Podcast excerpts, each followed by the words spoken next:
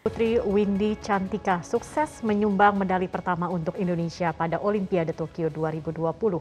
Sudah ada reporter Sandi Firdaus yang akan memberikan laporan langsungnya dari Tokyo, Jepang. Sandi, uh, seperti apa jalannya pertandingan angkat besi kelas 49 kg putri yang mengantar medali perunggu untuk Indonesia?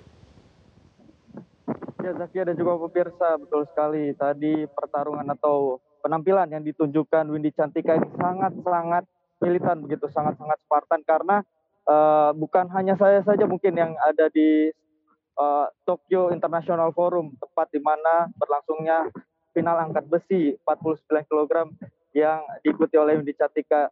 Ada juga tadi dubes uh, eh, RI untuk Tokyo dan juga ada CDM Indonesia Rosan Peroslani yang menyaksikan juga merasa uh, adrenalinnya ketika uh, angkatan snatch Windy Cantika ini dua kali miss dan hanya mengumpulkan 84 angkatan dan dibayar lunas oleh Windy Cantika pada clean and jerk ini membuat angka Windy Cantika memperoleh 140 194 dan menempatkan di posisi ketiga.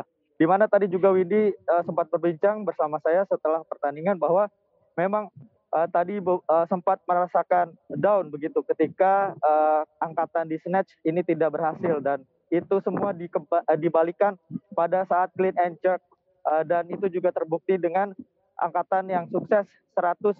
Ini juga di luar dari angkatan-angkatan sebelumnya yang dilakukan oleh Windy Cantika. Dan berikut kita simak wawancara Windy Cantika tadi usai uh, meraih medali perunggu untuk tim Indonesia di ajang Olimpiade Tokyo 2020.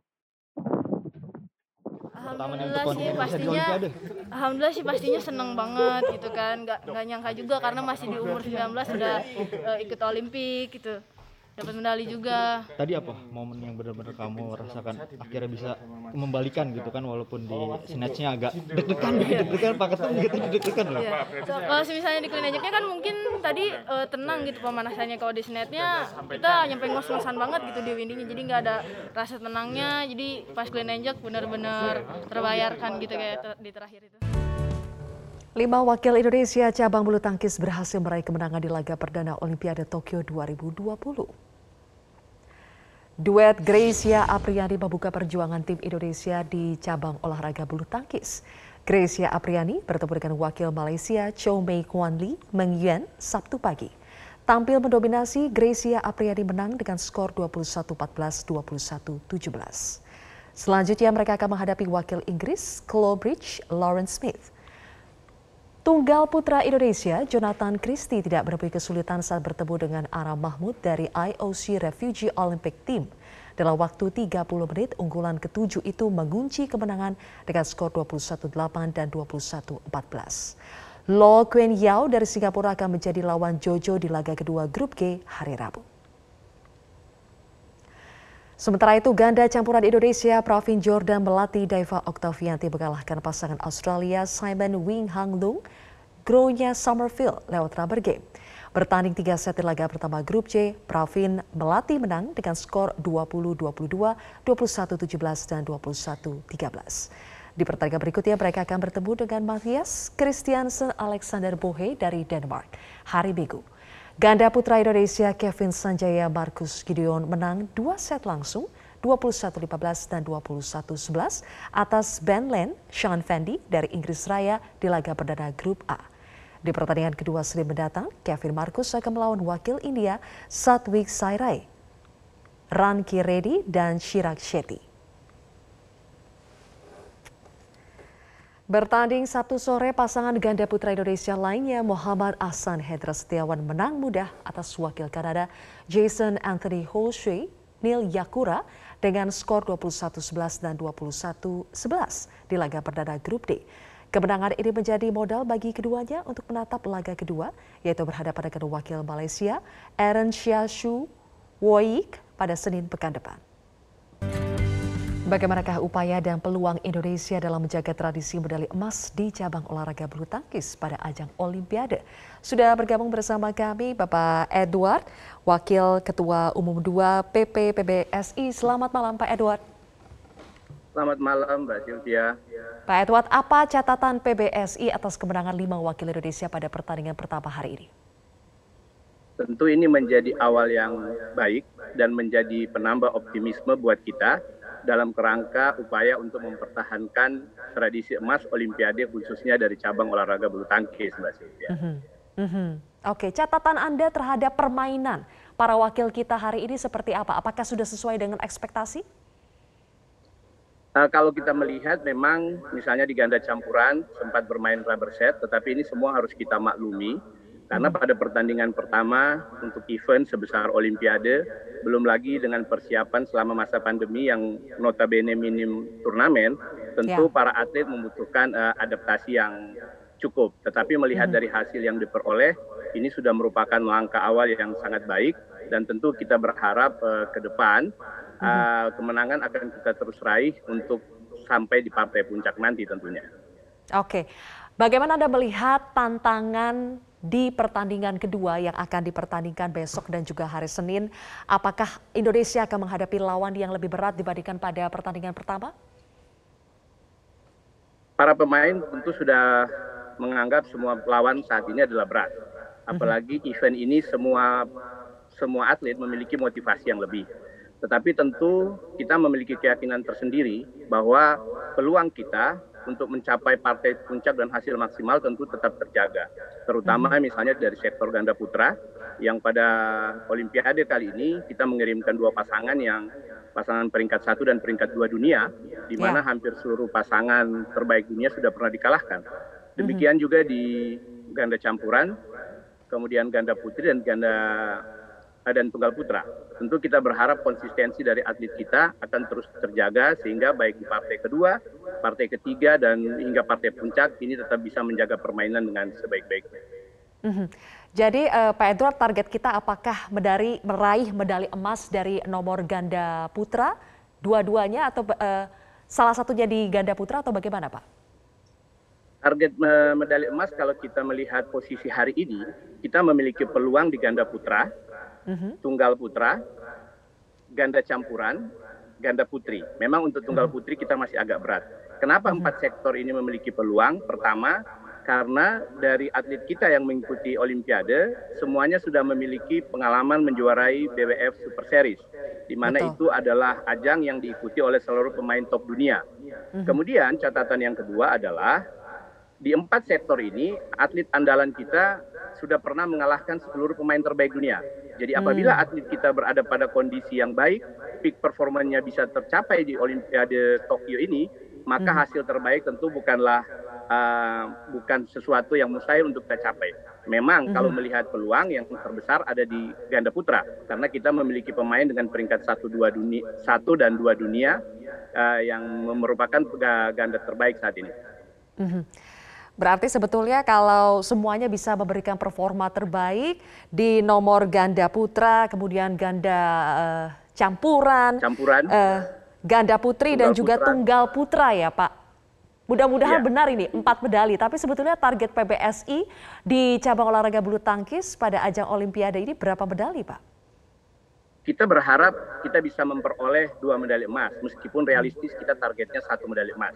Mm-hmm. Tetapi karena melihat dari tradisi Olimpiade, tapi kalau ber, uh, dari target uh, eh, PBSI sendiri kita tentu berharap bisa dua emas karena dengan dua mm-hmm. emas tentu kita bisa mendongkrak peringkat uh, Indonesia di Olimpiade sesuai target Pak Presiden tentunya. Mm-hmm. Mm-hmm. Tim bulu tangkis dari negara mana Pak yang paling menjadi perhatian dari tim Indonesia? Baik, hari ini memang bulu tangkis sektor kekuatannya sudah relatif merata tetapi hmm. untuk di Olimpiade ini memang kami menaruh perhatian khusus tentu Jepang dengan kekuatan yang relatif merata dan juga faktor sebagai tuan rumah tentu menjadi perhatian serius buat kita di samping hmm. negara dengan tradisi bulu tangkis yang kuat misalnya China maupun Korea dan serta Denmark dari benua Eropa. Hmm. Hmm. Baik kita doakan semoga perwakilan Indonesia terutama dari cabang olahraga bulu tangkis bisa memenuhi ekspektasi memberikan kado bagi seluruh masyarakat Indonesia terutama dalam situasi pandemi seperti ini mudah-mudahan ada secerta harapan dan uh, kebahagiaan Amin. yang diberikan dari ajang Olimpiade ini. Terima kasih Pak Edward Wolok telah bergabung bersama ya. kami di Prime News hari ini. Pemirsa upaya restorasi hutan leser yang terletak di dua provinsi Sumatera Utara dan Aceh dilakukan dengan aksi penanaman ratusan bibit pohon serta uh, berpatroli dan memantau kawasan inti hutan Leser sebagai habitat asli aneka satwa liar seperti harimau Sumatera dan orang utan.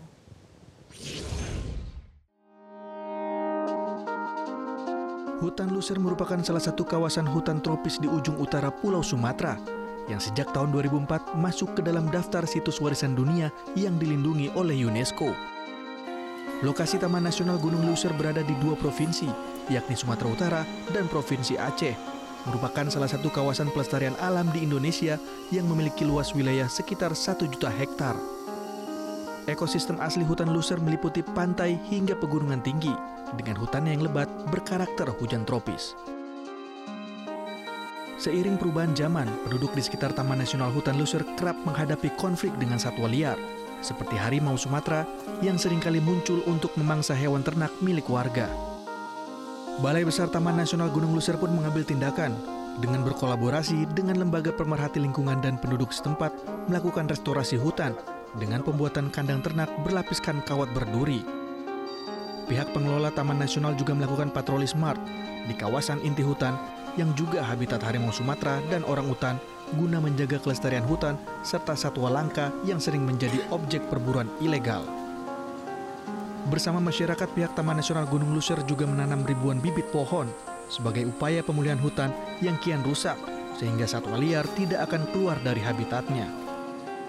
Pemerintah melalui program uh, perhutanan sosial berusaha ingin menyelesaikan ya konflik-konflik tenurial, ya menyelesaikan uh, tingkat kemiskinan yang terjadi di sekitar kawasan dan pemulihan ekosistem menjadi uh, landasan untuk menyelesaikan kasus tersebut melalui program kemitraan konservasi saat ini, di mana keterlanjuran yang terjadi karena konflik uh, tenurial ini diselesaikan ya dengan sama-sama kita bersama masyarakat ya melakukan pemulihan ekosistem ya mendata mereka untuk menjadi bagian dari uh, perlindungan atau bagian dari sistem pengelolaan Taman Nasional Gunung Loser untuk menjaga dan melestarikan.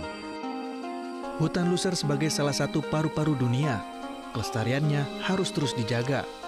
Sumber daya alam yang ada di kawasan hutan Luser diharapkan juga akan meningkatkan perekonomian warga sekitar.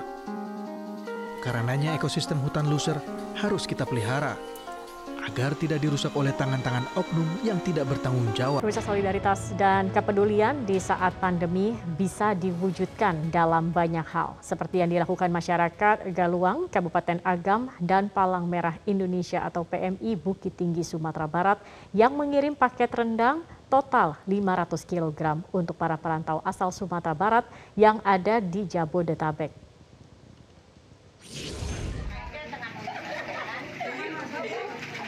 Peduli dan rasa ingin membantu pada warga Sumatera Barat di perantauan, kelompok masyarakat yang menamakan diri Masyarakat Galuang, Kabupaten Agam, dan Palang Merah Indonesia PMI Bukit Tinggi mengirimkan paket rendang untuk didistribusikan pada para perantau yang terdampak PPKM di daerah Jabodetabek.